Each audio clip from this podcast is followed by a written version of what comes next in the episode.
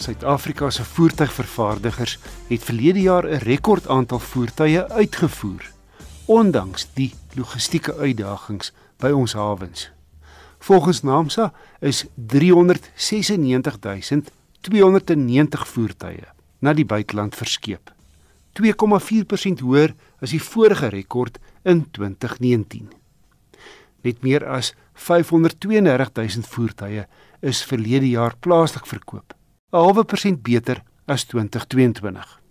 Toyota was verlede jaar loshande die topverkoper met sy Hilux die algeheel gewildste modelreeks.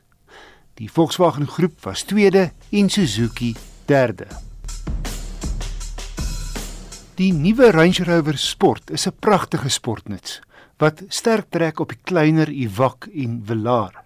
Skreefies hoofligte voor en agter, so 'n bietjie van 'n kopie-agtige stertkant en groot 22 duim wiele. Die nuwe sport is langer en breër as sy voorganger met 'n lengte van byna 5 meter en 2 meter breed, sy spieëls uitgesluit. Dit beteken meer beenruimte vir die agterste passasiers en 'n groter bagasiebak. Ek het die D350, dit staan vir diesel en die hoeveelheid perdekrag, middelafwerking dynamic HSE model gery. Die binneruim is indrukwekkend lyks en stylvol uitgelê. Die groot sentrale inligting vermaakskerm leun agtertoe en opmerklike aandag aan klein detail met die jongste tegnologie wat ingespan word soos volledige digitale instrumente maar die voorkoms is steeds jou klassieke ronde spoedmeter en toereteller En die leersitplekke is baie gerieflik. Al 5 verstel vir hit en verkoel elektries.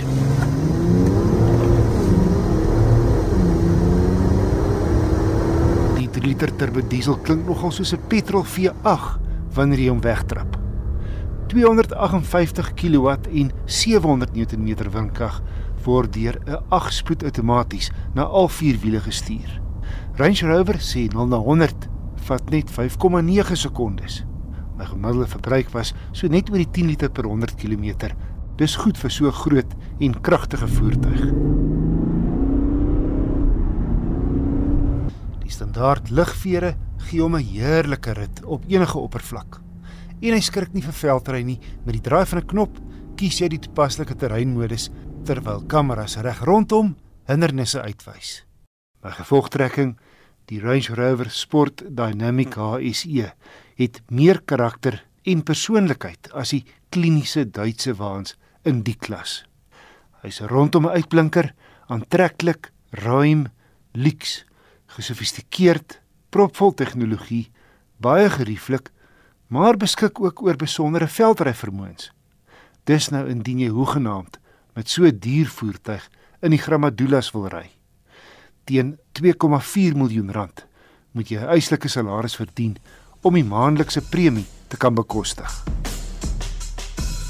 Suzuki het verlede jaar sy Fronx kruisvoertuig plaaslik bekend gestel. Sterk gebaseer op die Baleno luikrug.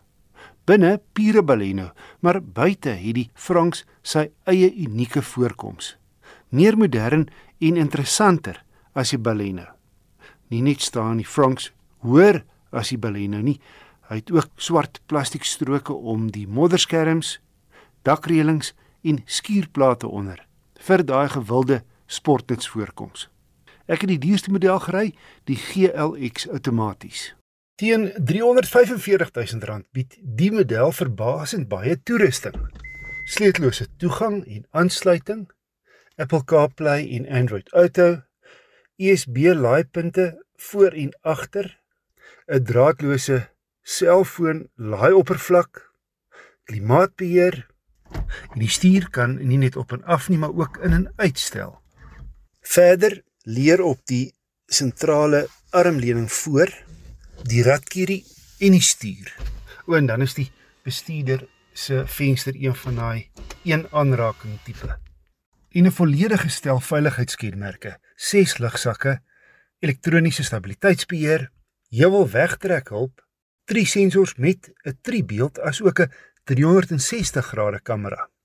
Jy kan ook kies om op die sentrale skerm 'n beeld te hê wat voor jou aangaan of langs jou. Verder ook spoedbeheer en sy syspieëls vou ook outomaties in wanneer jy die kar sluit.